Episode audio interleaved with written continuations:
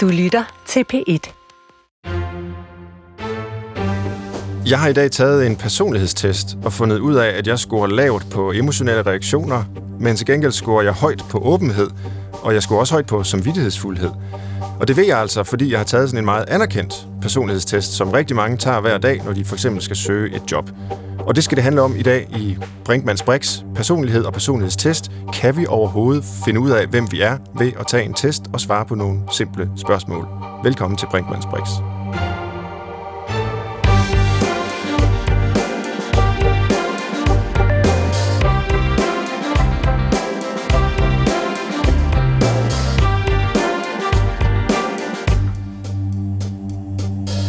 Mit navn er Svend Brinkmann. Som professor i psykologi undersøger jeg, hvorfor vi mennesker handler, som vi gør. Her i programmet har vi ikke patienter på briksen, men tendenser i samfundet, sindet og menneskelivet. Man siger, at psykologi er videnskaben om det, som alle ved i forvejen, men sagt på en måde, som ingen forstår. I Brinkmans Brix er målet at sige noget, som ingen har tænkt på før, på en måde, som alle kan forstå. Til at hjælpe mig med at belyse personlighedstest og personlighed, der har jeg øh, to gæster i dag. Den ene er Helene Hoppe Revald, som er partner og faglig ansvarlig for et af de største danske virksomheder inden for personlighedstest, People Test Systems. Velkommen. Jeg har også øh, Lars Lundmand i studiet, som er psykolog, Ph.D., direktør i øh, sit eget konsulentfirma Lundmand, og du er også ekstern lektor på Københavns Universitet. Velkommen til dig også. Lars Lundmand, hvornår fungerer personlighedstest bedst i dine øjne? I min PhD der kom jeg lidt ind på uh, sådan nogle af de problemer, der er med test. Ja, det ved jeg. Det er derfor, jeg vælger at ja, lægge ud med at ja, ja. Og, få dig til at beskrive de gode ting. Ja, ja. Og uh, jeg spekulerede faktisk også om, hvornår kan man egentlig bruge personlighedstest til noget? Uh, og der, altså, konklusionen var bare, at jeg ikke kunne finde et svar på det. Okay. Ja. Så øh, skulle vi efter din mening helt øh, skrotte dem? Ja. Det er klar øh, tale i hvert fald, og det vender vi tilbage til og udfordrer dig på selvfølgelig. Mm. Helene Hoppe Revald, hvornår fungerer personlighedstest så dårligst? Nu spørger jeg dig på den måde, fordi du jo er inviteret herind som en, der, der arbejder med dem mm. og sælger dem og er mm. for dem. De kan fungere dårligt i rigtig mange sammenhænge, øh, hvis man ikke anvender dem med etik for øje, hvis man ikke ved, hvorfor man bruger dem, øh, så øh, får man meget sjældent særlig øh, frugtbare resultater. Ikke på selve testen, men sådan set også bare altså man kan sige, i selve processen. Øhm, og der er, ikke, der er ikke mange mennesker, der bryder sig om at blive sat på tal og blive målt og varet, hvis ikke de forstår hvorfor, og hvis ikke det har en eller anden højere mening og et større formål. Så, øh, så det handler også rigtig meget om brugen af dem i virkeligheden. Er du selv blevet personlighedstestet? Masser af gange. Masser af gange, ja. Øh, hvordan øh, har din oplevelse været med det? Jeg tror, det, det ved jeg faktisk ikke, om jeg egentlig kan svare på, fordi jeg jo, altså... Du har prøvet det så mange gange, prøvet det så mange gange. jeg vil, gang, eller? Nej, nej, og jeg vil næsten sige, at jeg er ved at være sådan mere eller mindre testresistent, fordi at jeg, jeg, jeg, øh, jeg, jeg ved så meget om konstruktionen af test, så det også øh, det gør noget andet ved det i virkeligheden. Jeg kan godt huske første gang, det var på psykologistudiet, øh, hvor at alle elever kommer igennem en test man får vist egentlig ikke, jo, jeg tror ikke nok, man ser sit resultat, men så får man så en manual bagefter, og så kan man så sidde og læse om, hvad forskningen peger på, at hvem der øh, kommer til at klare sig, og hvem der ikke gør, og så kan man så sidde og tænke lidt over det.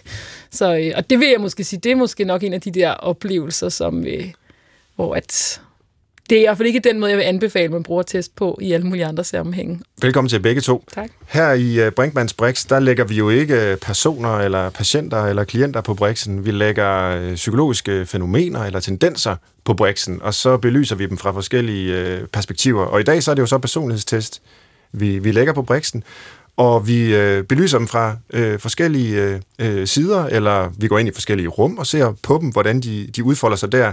Øh, først skal vi selvfølgelig til jobsamtale i dag, fordi øh, det er meget der, at personlighedstesten er i anvendelse i, øh, i Danmark. Vi skal også ind i øh, spejlrummet eller spejlkabinettet og tale om, hvad personlighed er. Hvad vil det sige at blive set af andre og spejle sig på den måde? Øh, se sit eget spejlbillede. Og så skal vi til sidst ind i folkeskolen, i klasseværelset, som er en af de arenaer i vores samfund, hvor personligheden, personlighedstestningen øh, er på vej frem øh, men hvor der også er stor debat om øh, legitimiteten af at anvende personlighedstest der. Du lytter til Brinkmanns Brix på P1. Det kan være, at vi lige skal have på bordet, hvad det egentlig er, vi taler om. Hvad i alverden er en personlighedstest? Øh, hvordan er de bygget op, og hvad kan de sige om, om personligheden? Øh, og det er jo din hjemmebane, mm. Helene. Du er professionelt beskæftiget med at, at, at udvikle dem og, og, og sælge dem. Mm. Kan du prøve at fortælle os, hvad, hvad det er for noget, de her personlighedstest? Altså, den typiske personlighedstest er opbygget af en række spørgsmål eller udsagn. Øhm, og de kan være af forskellige form. Der findes sådan, øh, man kan sige, to, sådan strengt taget to former. Den ipsative, hvor du bliver bedt om at sige, hvad er du mest, og hvad er du mindst. Det er også det, man sådan kalder for pest- eller kolera-typen. Hvor at, øh, og typisk har man ikke rigtig lyst til at sige, hverken at man er det ene mere eller det andet mindre, men så bliver man sat i sådan nogle dilemmaer, som man er nødt til at, at, at træffe en beslutning ud fra det. Og så er der de normative, hvor du i højere grad bliver spurgt om, i hvor høj grad du kan genkende et spørgsmål eller et udsagn. Og så får man et resultat, ja. når man har svaret på alle de her spørgsmål. Ja, så, kommer, så kan der genereres et resultat ud fra det, som på en række parametre siger noget om, hvordan du så er som menneske. Og hvordan har udviklingen været af, af de her test, og, og måske også selve markedet for dem? Da jeg startede for cirka 10 år siden, der var diskussionen, hvorvidt man kunne tillade sig at teste. Og nu har diskussionen nærmere vendt sig om til, at være en diskussion af, hvorvidt man kan tillade sig ikke at teste. Okay. Så jeg har helt klart, altså, at det er blevet mere standarden. Lars, du har jo forsket i uh, brugen af personlighedstest. Mm. Uh, kan du prøve at beskrive, hvad, hvad du har arbejdet med af forskningsspørgsmål i forhold til ja. testen? Fordi du har jo ikke arbejdet på at, at skabe en test, eller Nej. forbedre en test, Nej. men på at finde ud af, hvordan den bliver brugt. Ja, Jamen, øh, sådan, øh, det har jeg gjort på flere måder, men en af de måder, så, som jeg har gjort det på, det har været at øh, tage en, øh, ganske, en almindelig, øh, anerkendt, øh, videnskabelig valideret test, og så har jeg givet den til nogle øh, respondenter, som så har bedt om at udfylde den her test, øh, og så øh, skulle de så sætte deres kryds afhængig af, hvad de nu mente, der passede godt på dem. Og øh, derefter så spurgte jeg dem, hvad var det egentlig, der var baggrunden for, at de satte krydset, hvor de satte det? Og det, der så var pointen der, det var, jamen, selvom folk i virkeligheden har mange af de samme øh, øvrige karakteristika, øh, samme køn, samme alder, øh, samme beskæftigelse, alt det der, så er der en kæmpe stor forskel på, hvordan man opfatter øh, de enkelte spørgsmål. og det er jo et problem, fordi resultat, altså hvis vi sætter krydserne de samme steder på en test, så bliver resultatet også, at så er vi nok øh, nogenlunde ens. Øh, men det aner vi jo ikke noget om, fordi man har ikke fået at vide, hvad det var, vi tænkte på. Øh, så vi ved ingenting om det. Ligesom med øh, de normative test, altså det, man sammenligner sig med, er jo ikke, hvordan andre er. Det er jo, hvor andre har sat krydserne. Så det, vi ved jo stadig ikke noget om, hvordan de er. Men vi ved bare, hvor de har sat krydserne, og så er det det, man sammenligner sig med. Øh, så, så, så hvordan man er, det får man jo, sådan, sådan som jeg ser det i hvert fald, øh, dybest set ikke noget at vide om i en personlighedstest. Men de er vel konstrueret, de her test, på en måde, der også kobler svarene til mere sådan objektivt iagtagelige øh, adfærdsmønstre, og dispositioner og sådan noget. Øh, altså, det er jo ikke noget, der kommer ud af det blå. Mm. Det, jamen, det er interessant, du siger det, fordi øh, det er de selvfølgelig, men når du skal sammenligne en øh, kvantitativ måling med noget, så skal du sammenligne det med en anden kvantitativ måling. Altså noget andet, som er blevet kvantificeret. Mm-hmm. For eksempel, hvis jeg vurderer i en test siger, at jeg ser mig selv som en, der snakker meget, så kan man gå ud og kigge på, er man så sådan en, der snakker meget? Men så bliver du nødt til at stille en, en skala op for det, mm-hmm. og så vurdere mig på den. Så det er en anden skala, som man også kan stille lige det samme spørgsmål øh, ved, ikke? Øh, så ja, det er de, øh, og det er de langt fra altid. Det er jo sådan mere de oprindelige, fordi tit, øh, når man udvikler personlighedstest i dag, så tager man jo bare og sammenligner dem med nogle af de anerkendte skalaer og siger, jamen, hvis den ligger, rammer nogenlunde det samme billede som andre øh, test gør, så er den god nok. Så der er man ikke engang ude og spørge folk, eller snakke med folk, eller observere folk øh, ret ofte, når man udvikler test, øh, som jo også er et problem, kan man sige. Så for at kaste et sådan, øh, videnskabeligt begreb ind, så er det, du stiller spørgsmålstegn ved, det er validiteten af testen. Ja, ikke? Altså man kan skelne mellem pålideligheden eller øh, reliabiliteten, mm. hvor man siger, jamen altså scorer folk øh, nogenlunde på samme måde hen over et livsforløb, mm, for eksempel. Mm. Altså, hvor, hvor pålidelig er den til at sige noget og, om, om, om dig hen over tid. Mm. Men man kan også stille spørgsmålet, om den overhovedet handler om, hvordan personligheden i virkeligheden er. Handler den kun noget om, hvordan man sætter krydserne, mm, eller handler mm. den også om, hvordan man faktisk er som person? Mm. Og det, det siger du, at det har vi ikke rigtig grund til at mene. Nej, man kan sige, at i hvert fald det eneste, vi får noget at vide om, det er hvor folk sætter krydserne. Og også fordi test bliver vurderet, eller det er når man skal validere sådan en ny test, så tager man jo netop sådan en uh, kæmpe gruppe af, af, individer og ser, hvordan de scorer. Uh, så det er jo ikke enkelte individer, man sammenligner det med. Det er jo grupper af individer. Uh, så man kan sige, frem for at tale om en personlighedspsykologi, når man taler test, så er det måske i virkeligheden mere sådan en personlighedssociologi, øh, man er inde på. Ikke? Mm-hmm. Hvordan ser du på det, øh, Helene? Jamen, der, er- der er jo rigtig, rigtig mange måder at validere tests på, mm. og der er meget forskel, man kan sige, i det, så ligger der netop både det her i, om man kigger på selve konstruktet, taler du meget, eller om man går helt ned på item-niveau og, og kigger på det, om man netop spørger sine, sine respondenter, eller man kun kigger på statistikken bag. Og altså, den gode øh, testkonstruktion, der gør man alle tingene. Og hvis man har spørgsmål, som, hvor at folk opfatter dem forskelligt, ikke fordi de også er forskellige, for det kan også handle om personligheder, man opfatter dem forskelligt, og dermed at man også skal sætte krydserne forskelligt. Men hvis man opfatter dem forskelligt, selvom man egentlig burde opfatte dem ens, men så er det et spørgsmål, der bør forkastes, og så bør man lave dem om. Det, som jeg altid vil advokere for, det er jo virkelig også, at man kigger på, hvem er det egentlig, der har lavet den her test? Mm. Hvem er det egentlig, der har konstrueret det? Hvad er deres metoder? Hvordan arbejder de med det? Hvor meget går de op i det? Bliver det overhovedet vedligeholdt? Øhm, øh, og Men ting. hvis vi nu tager Lars' øh, helt konkrete mm. eksempel på et spørgsmål, der måske, måske ikke er en test, men som i hvert fald godt kunne være der. Mm. Ikke? Altså, jeg er sådan en, der taler meget. Mm. Øh, så svarer man på, hvordan man, øh, hvor, hvor enig man er i det, mm. Øh, i, i sådan en normativ test der. Mm. Øh, men siger du så, Helene, at den gode test er en, der faktisk øh, på en eller anden måde kobler øh, populationen øh, til det spørgsmål? Eller altså, der, man kan på en eller anden måde gå tilbage og så se, øh, at, at der, der faktisk er nogen, der taler mere, som svarer på, øh, altså korrekt på spørgsmålet. Øh, og, og dem, der ikke taler så meget, de, de, de svarer så, de ikke taler så meget. Eller altså, hvad, hvad ved man egentlig om koblingen mellem det, det, det virkelige, så at sige, og så hvordan folk sætter krydserne? Altså, i, i selve konstruktionen vil det være et spørgsmål, hvor man går ind og kigger på, hvorvidt personen rent faktisk så også gør det mere end andre. Så det ja. vil være i selve konstruktionen af spørgsmålet. Ellers er det jo også et spørgsmål om, at man ikke bruger et spørgsmål til at kunne forudsige adfærd, men at man bruger flere spørgsmål til at kunne forudsige. Så hvis vi har en, en skala, der handler om, hvor meget man taler, så kunne et spørgsmål være, taler du mere end de, end de fleste? Og så kunne der være andre spørgsmål, som gik rundt om det samme fænomen, sådan så at man ved at have svaret i samme retning til rigtig mange af dem, så fik man en høj score på en skala, øh, og hvis man havde svaret i den anden retning, fik man en lav score. Men det element, der så også er med i en normativ test, det er, hvis de fleste svarer bekræftende på de her spørgsmål, så vil man bare ende på en middelscore. Det var lidt svar på din kritik, Lars, det her med, at øhm, oprindeligt er testen konstrueret på en sådan måde, at man har en vis form for sikkerhed for, at folk, der svarer, at de taler meget, faktisk også taler meget i sociale sammenhænge. Øh, nej, faktisk ikke. Øh, fordi at øh, den måde, man undersøger det på, øh, at det, er jo, altså, det er jo via statistik, øh, alle de undersøgelser, man laver, øh, som jo handler om at sætte spørgsmål, eller finde ud af, hvad for nogle spørgsmål der hænger sammen i en gruppe, hvis man nu havde et træk, som hedder åbenhed, hvad for nogle spørgsmål grupperer sig så omkring øh, et særligt faktor, som man så vælger at kalde åbenhed. Om det rent faktisk handler om åbenhed, det ved man ikke, det tjekker man ikke. Vil du svare på det, Helene? altså præcis, hvad der foregår nede i maven. Om du ved det, det ved jeg ikke. Men i hvert fald, man kan sige, jeg kan bare sige for os, at det er i hvert fald noget af det, at vi også går ind på item-niveau og, nys- og er nysgerrige mm. omkring de her ting ja. og undersøger. Ja. Så, øh, Et, et er så den her jeg sige, tekniske konstruktion af øh, personlighedstesten, og det er det, vi har, har kredset om nu, mm. og det kan hurtigt blive meget øh, nørdet teknisk diskussion mm. om item- og faktoranalyse og sådan noget. Mm. Noget andet er jo så hele diskussionen, øh, eksempelvis til jobsamtalen om, hvor meget ens personlighed, som den så øh, ser ud i testen, overhovedet siger om i forhold til det job, man skal varetage. Altså den kobling fra så i testen til jobbet. Mm. Øh, hvad ved vi egentlig om det? Altså et er, at jeg får en bestemt personlighedsprofil øh, ved at tage en test, som jeg så kan se og diskutere, øh, eksempelvis med, med, med den, der, der skulle ansætte mig. Noget andet er så, hvad det har at gøre med det, det job, jeg skal have. Hvis I kan følge mig i, i det led.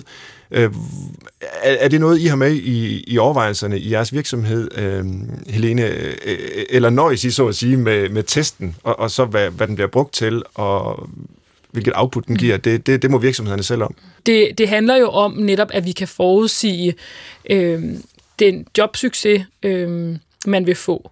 Og det kræver flere forskellige ting. Det kræver en, øh, det kræver en, en test af en høj kvalitet, men det kræver også, at man ved, hvad jobbet vil kræve. Og det kan jo både handle om, at man, at man overhovedet har defineret et job. Så er spørgsmålet, om man kan blive ved med at forudsige et job øh, langt ud i fremtiden, men i hvert fald, at man ved, hvad jobbet kræver til at starte med. Og der kan også ligge nogle elementer i, at man ved, hvem er det, den her person skal arbejde sammen med. Hvad er det for en chef? Hvad er det for nogle kolleger? Hvor at det, som jeg ofte ser, der sker, det er, at man får nogle personer ind ad døren, og så har man forelsket sig i den ene af dem på forhånd, og så er det det, der i virkeligheden bliver argumentet for at vælge en kandidat. Og det, så bliver det ikke særlig objektivt. Men når du nu har de her kritikpunkter, øh, hvad vil dit bud så være? Og det er du også professionelt beskæftiget med, altså, mm. og, og, og, altså hjælpe virksomheder med at rekruttere, for eksempel. Mm. Altså, hvad, hvad er dit eget bud på, hvordan en øh, fornuftig måde at, at finde øh, den rette person til det rette job, mm. som man siger, øh, skal være? Men egentlig så øh, arbejder jeg ud fra en øh, lidt anden filosofi, som ikke handler om at finde den rette person, øh, men mere en filosofi om, at jamen, hey, den gode medarbejder, det er jo ikke noget, man er, det er jo noget, man bliver. Og om jeg bliver det, øh, afhænger ikke af, øh, om jeg scorer det ene eller det andet i en test. Det afhænger om de forhold, der gør sig gældende i virksomheden efterfølgende. Det afhænger også af, øh, hvad for nogle interesser jeg har. Jeg kan jo også ændre mig. Øh, jeg kan få nogle nye interesser. Det kan være, at man bliver udsat for noget øh, i familien, som påvirker ens jobperformance. Der kan ske alt muligt. Øh, hvad hedder det? Det kan være, at jeg får en leder, som, øh, som mobber mig, og så selvom jeg vil være rigtig god til det der job, så kommer jeg til at klare mig elendigt, fordi jeg får en leder, der går og, og slår mig hele tiden. Øh, så det, man bør kigge på, som, som jeg ser det, når man øh, rekrutterer folk, det er jo øh, dels i forhold til, kan man motivere folk til at blive øh, dygtige til det her? Kan man lave en forventningsafstemning, så vi ved, hvad er det, man går ind til, hvad går man ikke ind til, og hvor vil vedkommende egentlig gerne hen? Kan man, når vedkommende så starter, kan man øh, hjælpe, støtte, supportere folk? Kan man give dem et godt introduktionsforløb, sådan så de kommer godt ind i både kulturen og i arbejdsopgaverne og alt det der? Så, så om man bliver god eller ej, der kan man tage det første skridt til, til jobsamtalen, øh, men ellers så ligger det altså først øh, efter. Det, det er jeg meget enig med dig i. Jeg mener jo bare, at man bør bruge de testresultater, man får ud, til at skabe en genvej til at mm. kunne motivere på den bedst mulige mm. måde. I det er arbejdet med rekruttering er jo ikke kun rekrutteringsprocessen. Det er mindst lige så meget den proces, Præcis. der ligger efter. Præcis og ja. det kan vi gøre så meget bedre, end vi gør i dag. Der er så lidt fokus på det i forhold ja. til, hvad der er på rekruttering. Ja. Men vil du helt afvise, Lars, at øh, lad os sige, en, en virksomhed søger en sælger, mm. der skal kunne fungere sammen med andre, og altså lytte til andre, og mm. være åben over for andre. Og så er der jo i, i mange af de her tests, eksempelvis den, jeg selv har taget, som hedder NeoPi 3, som jeg tog tidligere i dag, øh, en, en, en faktor, der hedder åbenhed. Mm. Og lad os sige, at jeg havde scoret rigtig, rigtig lavt på den. Mm øh, vil du så helt afvise, at det siger noget om, at jeg kunne blive en god sælger? Eller øh, ikke kunne blive en god sælger, vil det jo så være? Jeg vil sige, bare fordi at tests øh, ikke er særlig gode, betyder det jo ikke, at personligheden ikke er vigtig. Øh, altså du ved, øh, hvis du er sådan en, der sætter dig hen i hjørnet, der ikke gider at sige noget som helst, øh, og du ikke er åben over for noget som helst, så bliver du ikke god til noget. Øh, men hvis nu testen kan fange det? Ja, ja, og det er jo så det der spørgsmål, kan den ja. så det, ikke? Mm. Øh, hvad hedder det? Og øh, det er jo et åbent spørgsmål, øh, om den kan det. Øh, nogle gange gør den det, og nogle gange gør det det ikke. Og spørgsmålet er, hvis det sådan er 50-50, så kan man sige, jamen, så er det jo også lidt lige meget. Nu har jeg taget den her test i dag. Der er 240 spørgsmål. Det tager omkring 30 minutter at øh, udfylde den. Og der bliver spurgt selvfølgelig om mange af de samme ting, men på meget forskellige måder. Mm. Øh, og, og det er vel noget af det, som testkonstruktørerne har forsøgt at bygge ind. Mm. Altså, der gør, at det ikke bare bliver en opsummering af, hvad man selvfølgelig bare kunne have sagt sig selv, hvis det nu var alle spørgsmål, der var noget i retning med, jeg er sådan en, der taler meget, øh, og, altså, og så variationer over det, mm. så er det klart, at det ikke vil være overraskende. Mm. Men det, det, det er måske også at altså, gøre testen mm. dummere, end den er, øh, mm. fordi du bare kan nævne, hvad jeg har har, har taget her, og nu sidder jeg med, med eksperter, mm. øh, både en kritiker og en fortaler, men, men øh, I er jo begge to eksperter ud i personlighedstest. Øh, jeg har 27 sider her, som er blevet printet ud, mm. og, og det er vel det, som en HR-chef skulle sidde med, øh, og give mig en feedback ud fra, og vi skulle have en snak om, hvordan jeg eventuelt kunne passe ind i et, et bestemt job. Og så står der for eksempel, et, et, der er noget, der hedder emotionelle reaktioner, der scorer jeg lavt. Øh, denne person er følelsesmæssigt, det er mig stabil, sandsynligvis god til at håndtere kritiske situationer, uden at lade sig overvælde af tidligere dårlige erfaringer. I nogle tilfælde kan personen dog have en tilbøjelighed til at undervurdere situationerne. Så står der ting som under, underpunktet bekymring. Optræder normalt roligt, men kan indimellem blive vred, bekymret eller urolig, øh, når der er grund til det. Det er måske lidt selvfølgeligt, vil jeg umiddelbart sige. Eller altså, vil det ikke gælde for alle? De fleste jo. er så normalt rolige, men vi kan også blive urolige, når der er grund til det. Øhm, men for, så for at gå over en anden ende, øh, nemlig den faktor, der hedder åbenhed, der stod, scorer jeg højt. Øh, og det overrasker mig faktisk. Øh, der, der står, denne person, igen, det er mig, der tales om, er tilbøjelig til at opsøge det nye og ukendte. Øh, at jeg har et fantasirigt, dynamisk og aktivt liv. Det er ikke sådan, jeg umiddelbart vil karakterisere mig selv. Øh, at jeg kan lide at opsøge det nye og det ukendte. Øh, jeg hader, når der bliver lavet om på tingene, øh, at min kone flytter om på møblerne, eller et eller andet, eller foreslår, at vi øh, tager et eller andet sted hen, jeg ikke har været før, eller, eller sådan noget. Øhm, spørgsmålet er så, om det er en støtte til personlighedstesten, at jeg øh, faktisk øh, ser noget i mig selv, jeg ikke kunne have sagt, øh, før jeg tog testen, eller om det omvendt jo er et udtryk for, at det er en dårlig test, fordi den passer ikke med min egen selvopfattelse. Hvordan, hvordan vil I øh, der er noget, det? Ja, der er noget, som hedder Fura-Barnum-effekten, sådan en bias, øh, som egentlig handler om, at når noget det bliver sådan vagt formuleret, så er vi mere tilbøjelige til at acceptere det. Øh, hvad hedder det? Når du siger, at øh, jamen, jeg opfatter ikke mig selv som sådan en, der kan lide nyt og sådan noget, og testen siger jo, at jeg er sådan en, der godt kan lide nyt og fantasier og alt muligt. Øh, så hvis jeg nu var mig, der skulle give en feedback, og jeg vil gerne vil have testen til at passe, så kunne vi så sige, nå, jamen det kommer jo også an på, hvordan man definerer det nye. Ikke? Du har jo også skrevet nye bøger, og nu har du med et nyt radioprogram og sådan noget, så på den måde, så kan du jo godt lide det nye. Og så er du sidder Man får det til at passe. Ja, ja. Nå, jamen det er også rigtigt, kan du så sige. Så testen passer jo perfekt på mig. Øh, så igen, det afhænger af, hvordan du, det er abstrakt formuleret alt det der, øh, og du kan tolke det på forskellige måder, og man kan altid få det til at passe, fordi øh, ej, nu håbede jeg lige, at jeg var sådan en, der var faktisk tilbøjelig til at opsøge det nye. Jamen, det er du også. det er du også. Ja, det, er du også. Det kan jeg vælge. Men du er også det modsatte. ja. Hvad, hvad vil din øh, sådan professionelle vurdering være af det, øh, Helene Hoppe Reval, som du, du sidder jo som repræsentant for, for den her testbranche? Så tænker jeg, at at netop at det her med, at teksterne, hvordan de er formuleret, det er virkelig en balance. Fordi at tekster i sådan en rapport som den, der må jo ikke være stødende. Men på den anden side, så må de heller ikke sådan, hvad jeg vil kalde, være formuleret som i dameblad, hvor at man i virkeligheden, uanset hvor man ender henne på skalaen, altid vil kunne sige, det, øh, det kan jeg godt genkende. Mm. Øhm, og det er jo interessant det her med, at du siger, jamen, ville alle ikke sige ja til det her?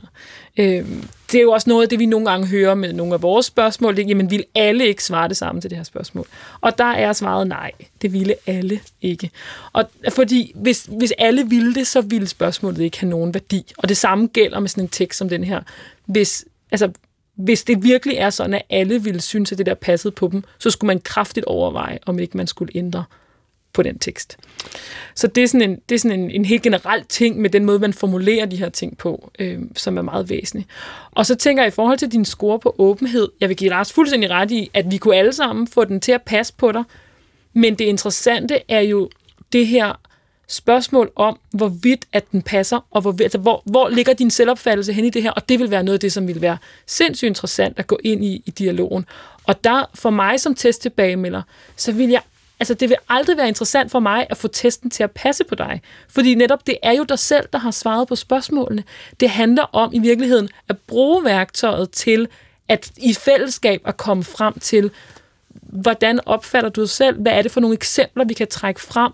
Hvordan kan vi så i fællesskab blive klogere på dig som menneske og på din adfærd? Der er simpelthen bare et redskab, eller ikke bare, men det er også et redskab til overhovedet at få taget hul på den snak. Ja. Altså, vi kan få lov at stille nogle spørgsmål, der ellers ville være vanskeligt at stille af sådan en almindelig høflighedsgrund måske, ja. øh, fordi der ligger en test øh, mm. mellem os på bordet, som man kan pege ned i og tage udgangspunkt i. Det, um, det er en god pointe, og det tror jeg, du har fuldstændig ret i, uh, Helene. Uh, uh, og så man spørger, hvorfor er det sådan? Uh, er det fordi, at uh, man så i forvejen tror, at jamen, testen er jo objektiv? Det er jo ikke mig, der siger det. Det er jo ikke mig, der finder på, at du måske har nogle konflikter i dit privatliv, eller hvad det nu måtte være, man kunne have hypoteser. Øh, altså, så bliver det mere legitimt, fordi man forskyder det fra sig selv. Det er ikke bare noget, jeg står og finder på, fordi jeg ikke kan lide dig, eller sådan noget.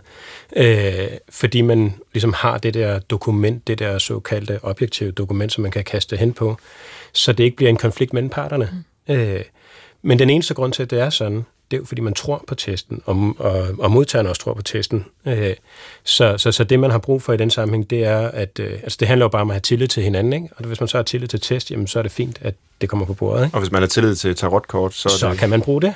Det, det er fint. Øh, du kan se på de her kort, at uh, du uh, måske uh, får en uheldig dag i morgen, og solen slet ikke står op. Hvad siger du til det? det skaber trods alt en genvej. Lad os sige, hvis bare at 80% af testen peger i den rigtige retning, så kan man hurtigt også blive en. Så det handler også om at skabe en genvej.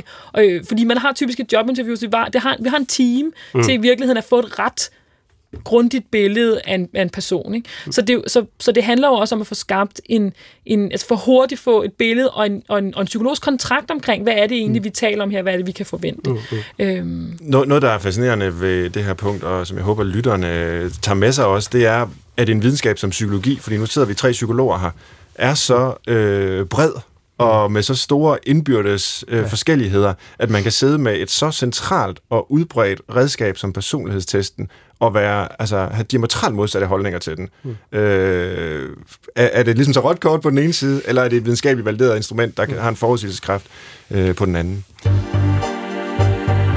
Du har lagt dig på Brinkmanns Brix på P1. I dag handler det om personlighedstest, og jeg har øh, Helene Hoppe Reval i studiet, som er øh, partner og arbejder med personlighedstest hos øh, People Test Systems, og Lars Lundmand, som er psykolog, Ph.D., direktør i firmaet Lundmand, og som også arbejder med øh, spørgsmål om rekruttering og job, men har et kritisk perspektiv på personlighedstest. Og det, jeg gerne vil nu, det er, at vi bevæger os fra øh, den sådan lidt specifikke kontekst, der hedder øh, jobsamtalen, øh, arbejdslivet, og så over i ja, spejlkabinettet, kan man kalde det, det med at blive spejlet øh, som menneske, hvor det jo i høj grad er det her øh, personlighedsbegreb, som har øh, spillet den rolle i vores øh, liv, i vores tid. Altså, vi, vi er noget i kraft af vores personlighed. Og det er jo ikke altid, vi har set sådan på det. Øh, tidligere i historien, så har det måske i højere grad været et begreb om øh, karakter, det har været nogle dyder, det har været sådan nogle mere almenmenneskelige øh, evner, som definerede, hvem man var. Mm. Hvis man går helt tilbage i historien til nogle af de gamle græske filosofer, som jeg holder så meget af, så står der næsten ikke noget om personlighedsstrukturer og sådan noget, når de beskriver mennesket, men der står meget om, hvordan man skal øh, Øh, dannes til at blive øh, et bestemt øh, dydigt, øh, karakterfast menneske og sådan noget for at, at, at kunne fungere. Men, men begrebet personlighed kommer ind øh, gradvist. Der er selvfølgelig også en... Øh, en gammel teori helt fra Hippokrates øh, om nogle temperamenter, ikke? Øh, den sangvinske, den koleriske, den melankolske og den flegmatiske, som sådan nogle kropsvæsker, man mente der for øh, 2.500 år siden omtrent, øh, var med til at bestemme ens øh, væremåde.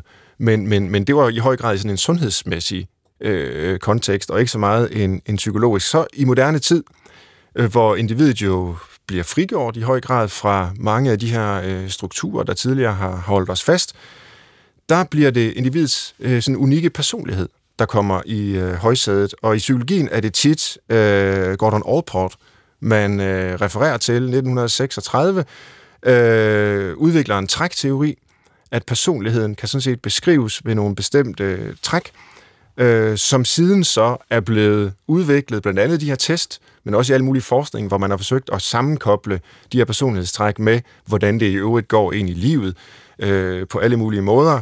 Og mange taler nu om uh, The Big Five. Vi har en femfaktormodel for personligheden. Den personlighedstest, jeg selv har taget i dag, og som øh, vi var inde på før, er baseret på den teori. Øh, de ledende forskere hedder Costa og McCrae. De fem træk er ekstraversion, øh, neuroticisme, åbenhed, samvittighedsfuldhed og venlighed. Øh, og det er vel der, vi står med både øh, ja, personlighedstest, men også teorien om personligheden i dag. At det er det bedste bud på at forstå sig selv, vi har i psykologien, og det er vores bidrag til, øh, til menneskehedens forståelse af sig selv, at vi tilbyder sådan fem faktorer, øh, som alle mennesker på en eller anden måde øh, kan placeres i, og det svarer så på spørgsmålet, hvem er jeg for den enkelte? Hvordan ser I på det? Øh, det, det nu har jeg jo sådan fremlagt det som sådan en uh, succeshistorie, videnskabelig mm. fremskridt, og vi er endt med den her teori om personligheden som, mm. som uh, bestående af, eller i hvert fald noget, der kan måles på fem faktorer. Det er jo et meget fint øh, oprids, du ligger af, øh, af historien. Øh, hvad hedder det? Øh, og øh, som du også er inde på, der, så findes der jo masser af forskellige perspektiver på personlighed. Øh, hvad hedder det? Der er også den narrative psykologi, som jo egentlig også er fremme nu. Man siger, at personligheden det er bare de narrativer, vi har om os selv. Øh, så er der den mere psykoanalytiske model, som siger, at din personlighed det er noget, der bliver skabt øh, i forhold til de relationer, du har med nogle øh, tidlige omsorgsgiver, for eksempel, at de bliver vigtige.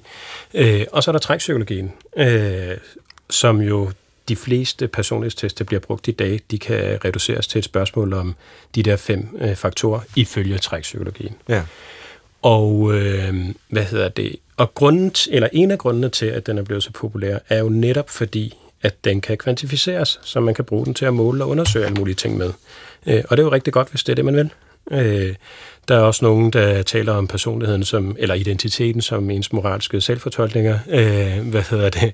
Men det kan man jo ikke måle. Hvad, hvad pokker er det? Altså, det er jo sådan en mere kvalitativ ting, så, det, så væk med det, det gider vi ikke at bruge, fordi jamen, øh, hvordan skal vi kunne sammenligne det med noget andet? Øh, Mm. Om de rent faktisk findes, det ved vi ikke noget om. Øh, og om de siger, hvor meget de siger om mennesket, det kan man diskutere. Øh, så, så det er jo bare et perspektiv øh, blandt forskellige andre perspektiver, sådan som jeg ser det.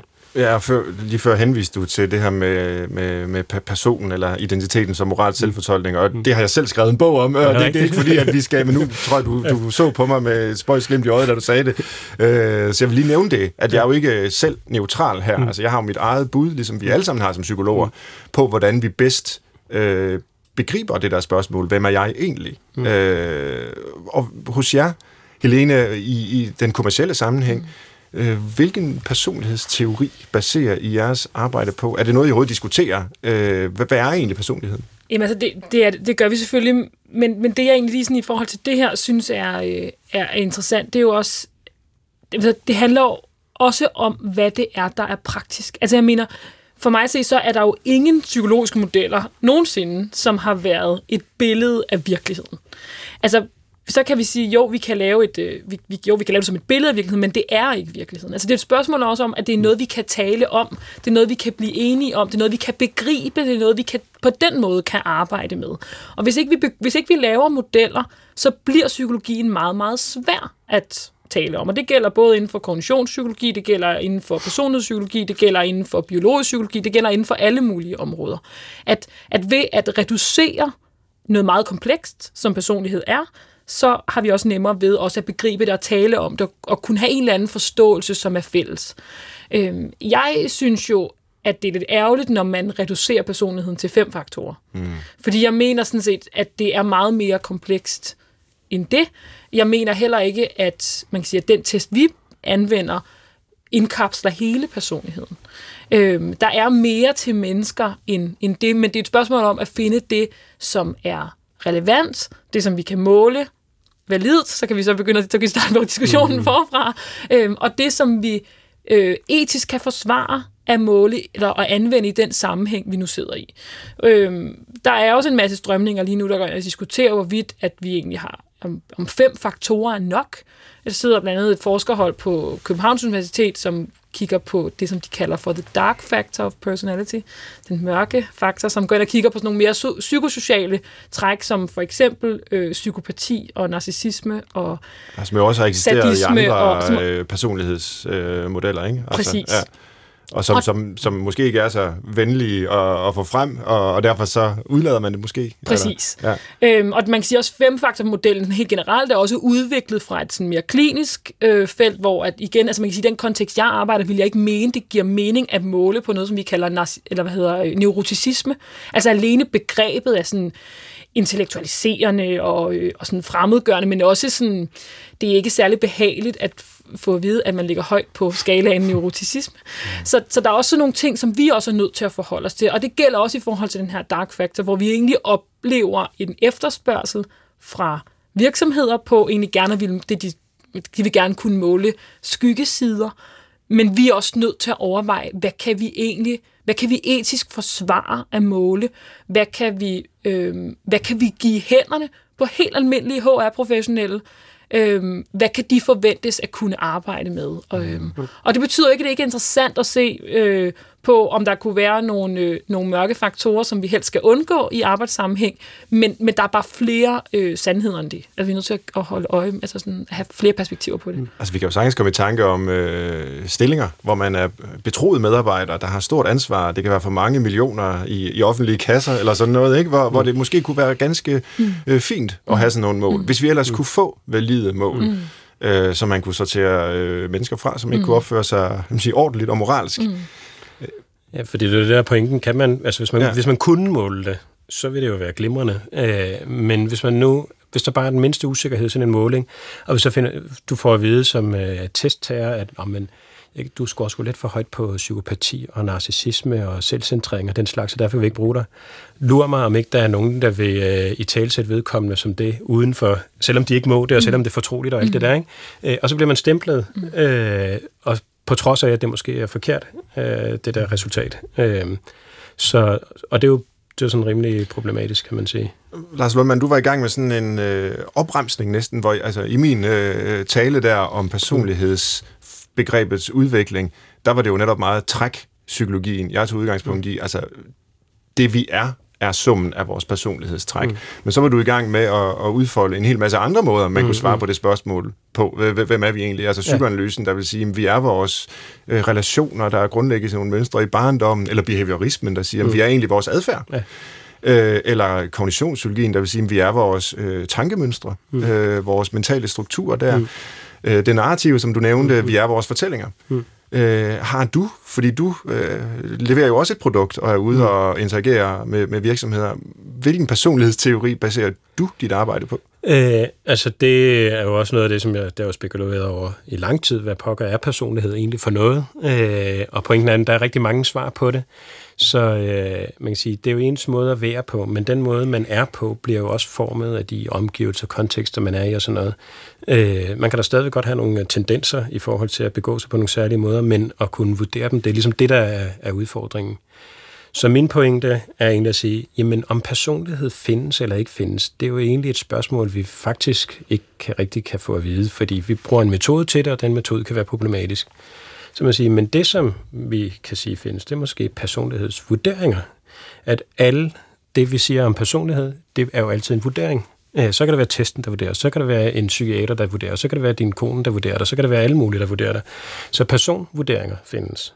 Øh, øh, og dermed også, altså når, man, når jeg siger det på den måde, så er det også fordi, at det ligesom kommer så der øh, subjektiv islet i det, ikke? Altså, jamen, der er nogen, der vurderer noget. Det kan så være en selv, det kan være nogle andre. Eller et gruppeperspektiv. Ja, ja, ja, ja, der er nogen, der vurderer også. mig. Ja udefra, ja, på baggrund af ja, ja, noget andet, ja. end, end, end mit eget perspektiv øh, mm. indefra. Og det er jo også der, vi har en helt klassisk konflikt i psykologien mellem eksempelvis trækpsykologien ikke, og mm. personlighedspsykologien, der siger, at du er egentlig øh, et eller andet kerneagtigt i dig selv, og det er det, der bestemmer, hvordan du handler. Mm. Og så socialpsykologien, der står på den anden side og siger, jamen altså, måden vi forstår og forudser, hvordan mennesker handler på, det er ved at se på situationen. Mm. Og vores handlinger er i langt højere grad, end personlighedspsykologerne tror, determineret af de situationer, vi mm. er i. Og det kan være på jobbet for eksempel. Mm. Mm. Hvis de har ret, de der socialpsykologer, jamen så er meget af, af, af personlighedspsykologien måske illusorisk. Altså mm. hvis vi handler relativt ens. Mm. I, altså, der er jo en masse socialpsykologiske effekter, som er blevet øh, påvist, men også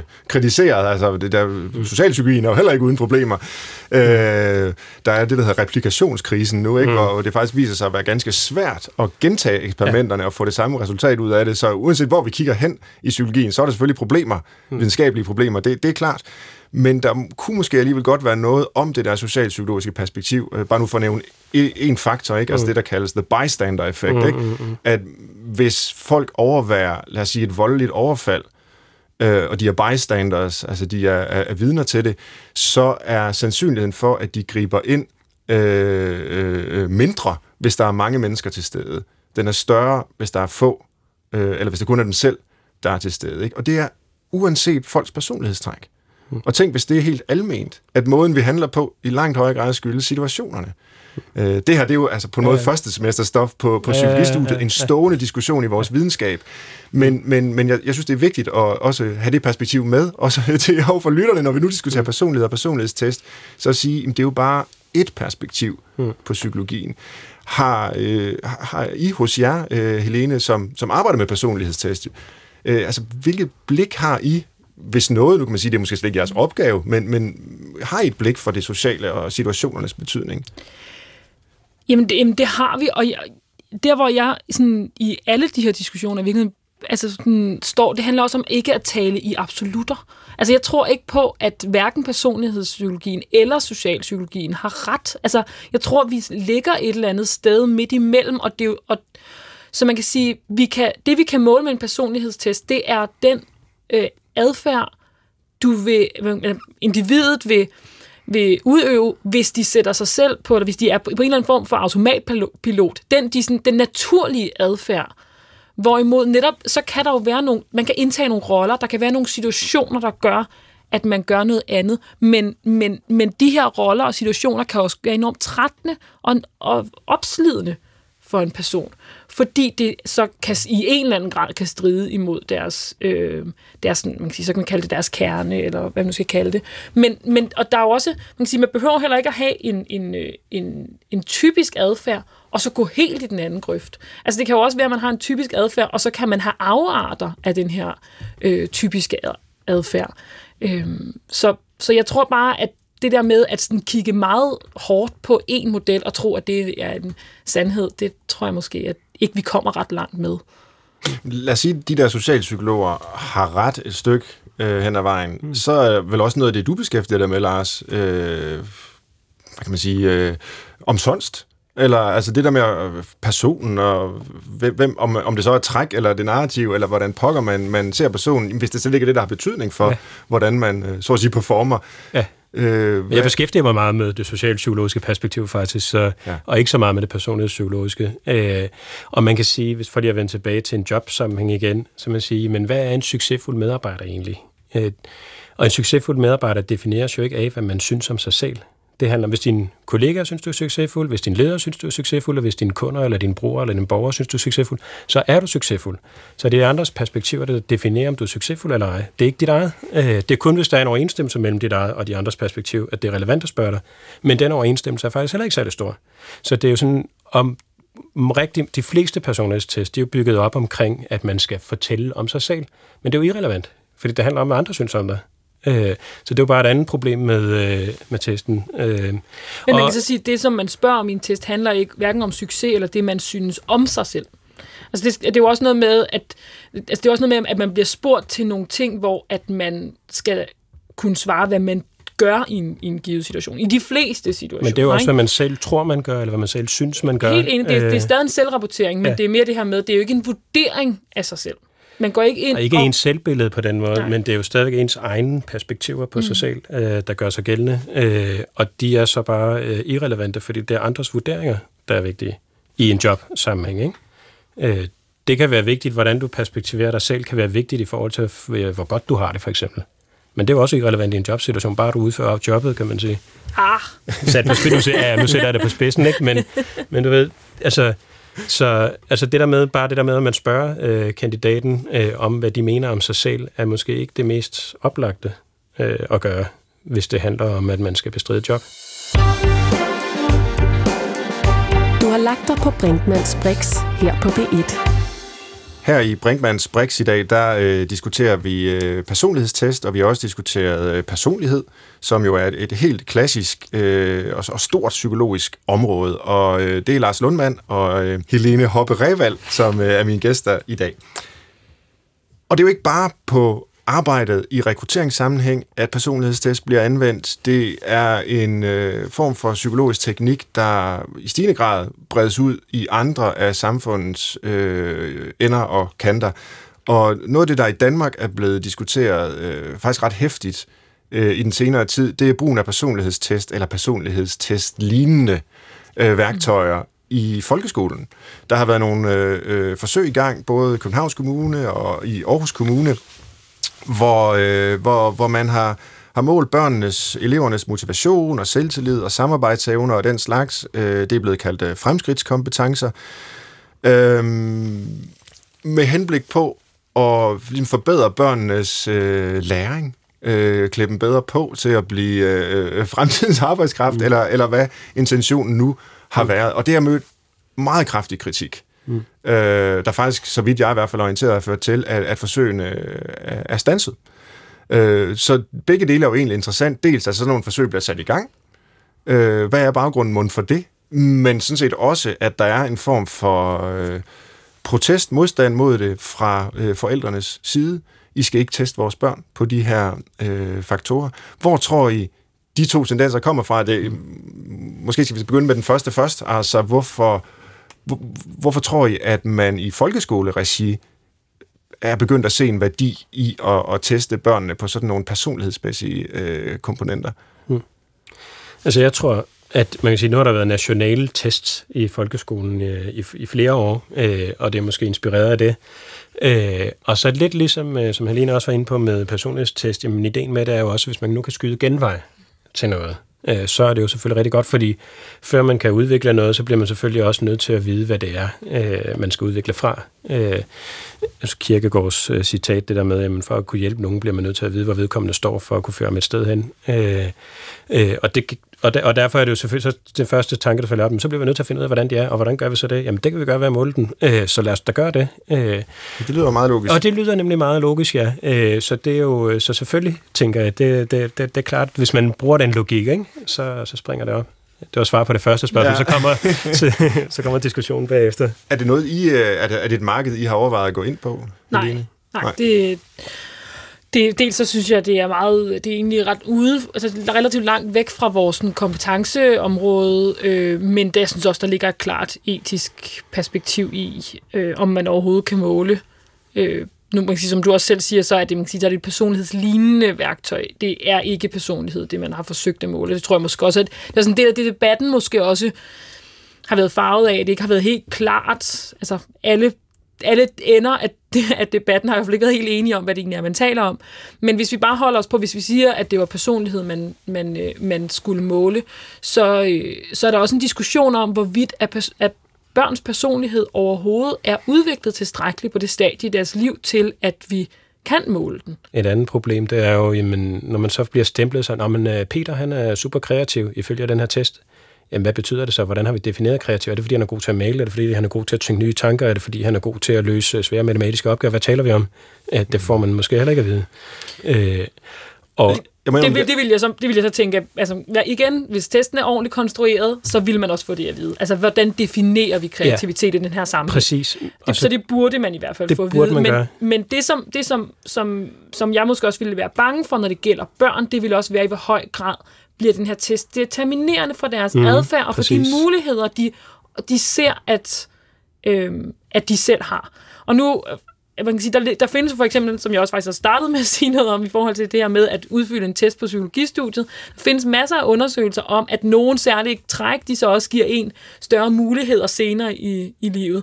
Og hvad gør vi ved de børn, som ikke har de træk? Skal de så bare sætte sig ned og tænke, nå, så kan de godt give op på forhånd, fordi statistikken viser, at jeg kommer ikke til at få de muligheder. Mm. Så der er også et eller andet i, hvad, ja, hvor determinerende bliver de her resultater mm. egentlig for deres adfærd senere i livet. Mm. Fordi der, altså, man kan sige, test, hvis vi tager det med sådan et bredere perspektiv, så skaber test også adfærd. Mm. Det er jo derfor, man, det er derfor, man laver performance-test. Det er derfor, man laver nationale test. Det er derfor, mm. man laver KPI'er på arbejdspladsen. Det er jo fordi, man egentlig gerne vil have, have, have folk til at gøre på en vis måde, så de scorer så højt som muligt.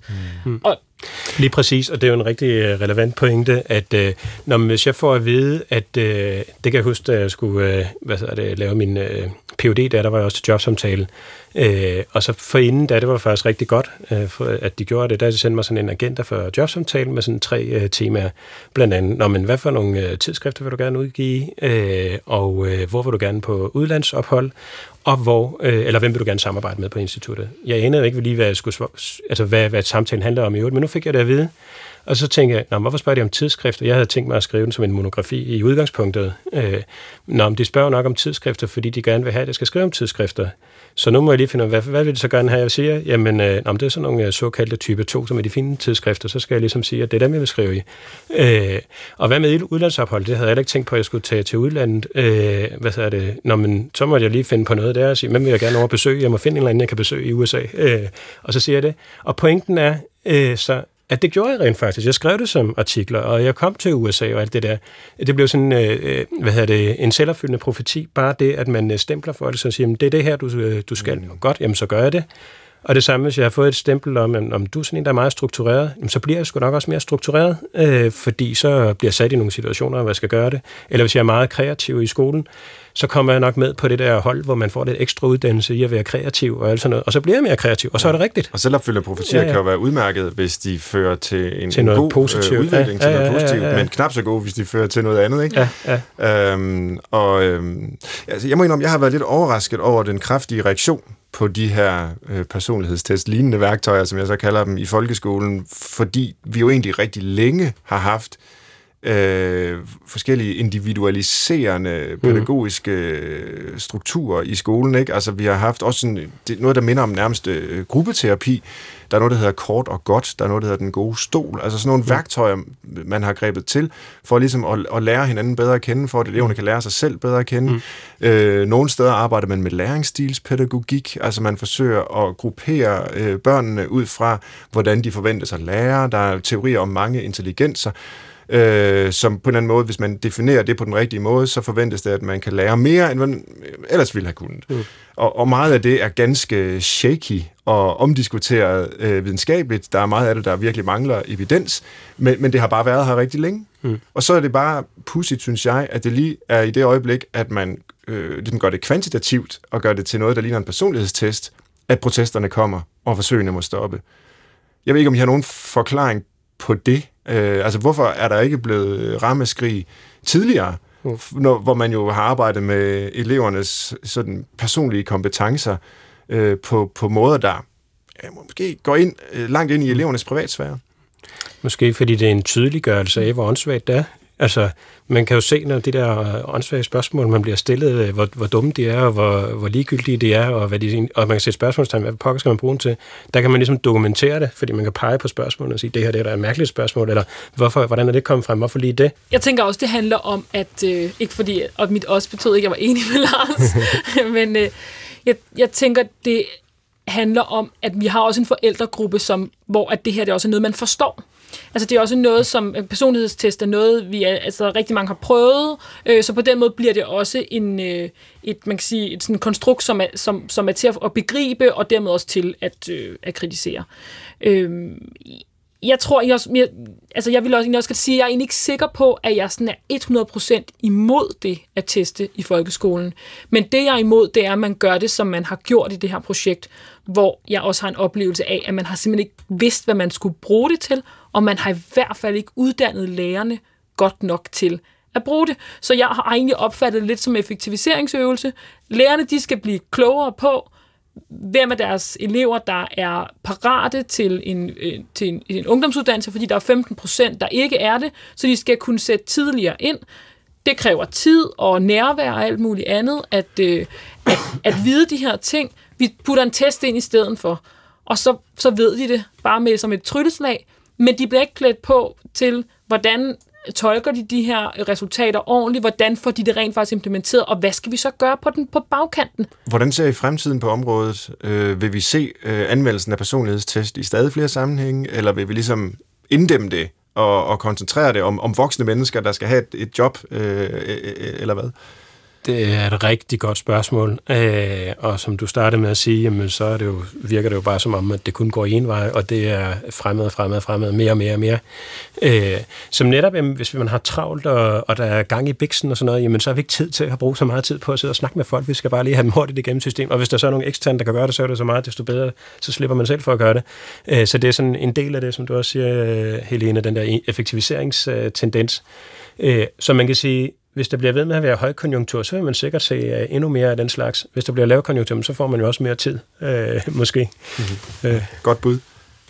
Jeg tænker også, det bliver noget, der bliver... Øh, altså, der bliver altså, der, jeg tænker ikke, det er noget, der bliver ved med at stige, men jeg øh, tænker da også, at der kommer til at komme andre metoder på banen.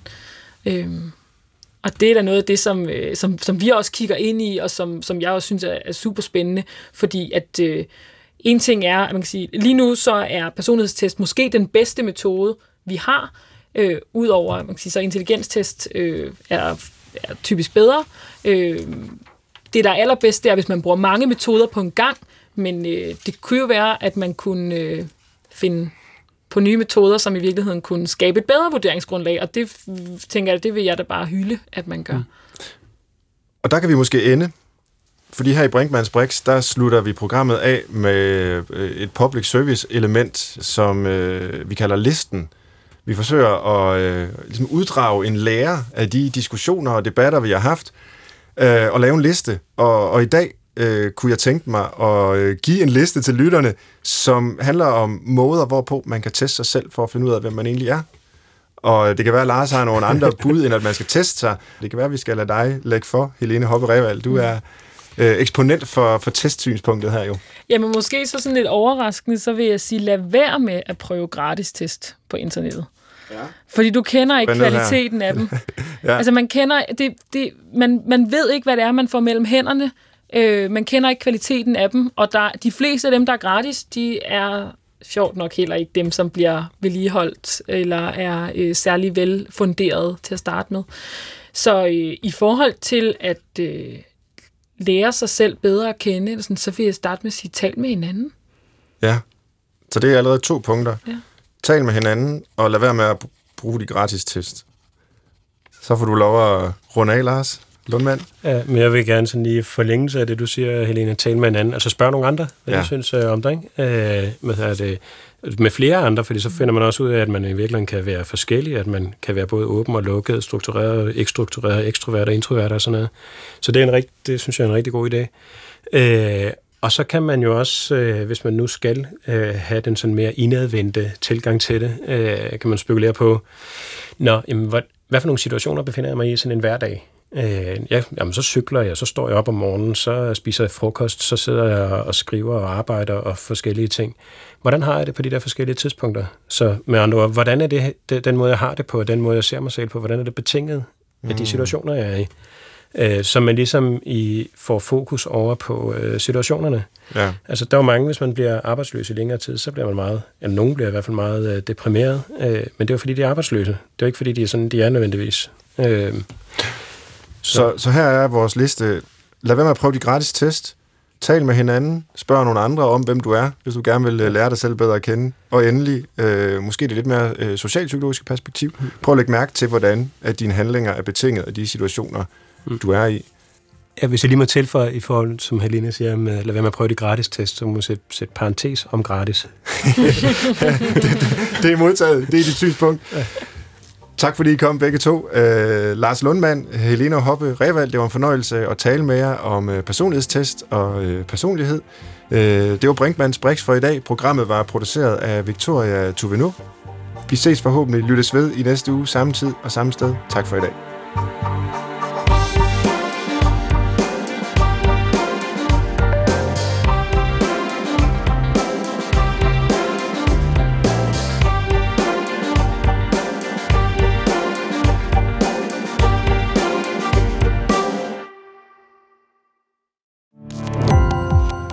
Gå på opdagelse i alle DR's podcast og radioprogrammer. I appen DR Lyd.